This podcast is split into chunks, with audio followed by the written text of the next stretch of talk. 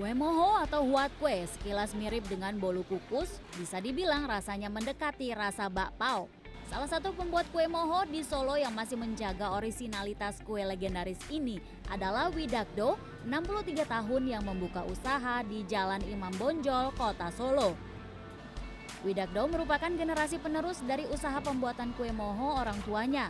Di tahun 1960-an, daerah Sudiro Prajan menjadi pemasok kue moho untuk semua para pedagang di pasar tradisional.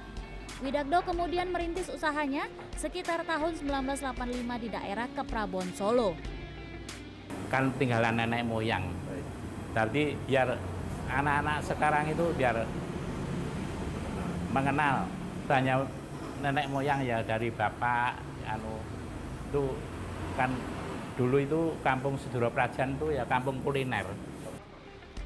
Setiap hari lebih dari 10 kg atau sekitar 450 biji kue moho habis terjual di tempat Widakdo. Pembelinya beragam, dari anak muda zaman now hingga pelanggan lama selalu mampir dan membeli makanan khas ini. Apalagi menjelang Imlek untuk keperluan ritual di Kelenteng. Lama. Biasanya tiap hari atau Ya, eh, ya pas kalau pas ada acara sembahyang pasti Hmm. ke sini. Rutinitasnya dua minggu sekali. dua minggu Tim Liputan CNN Indonesia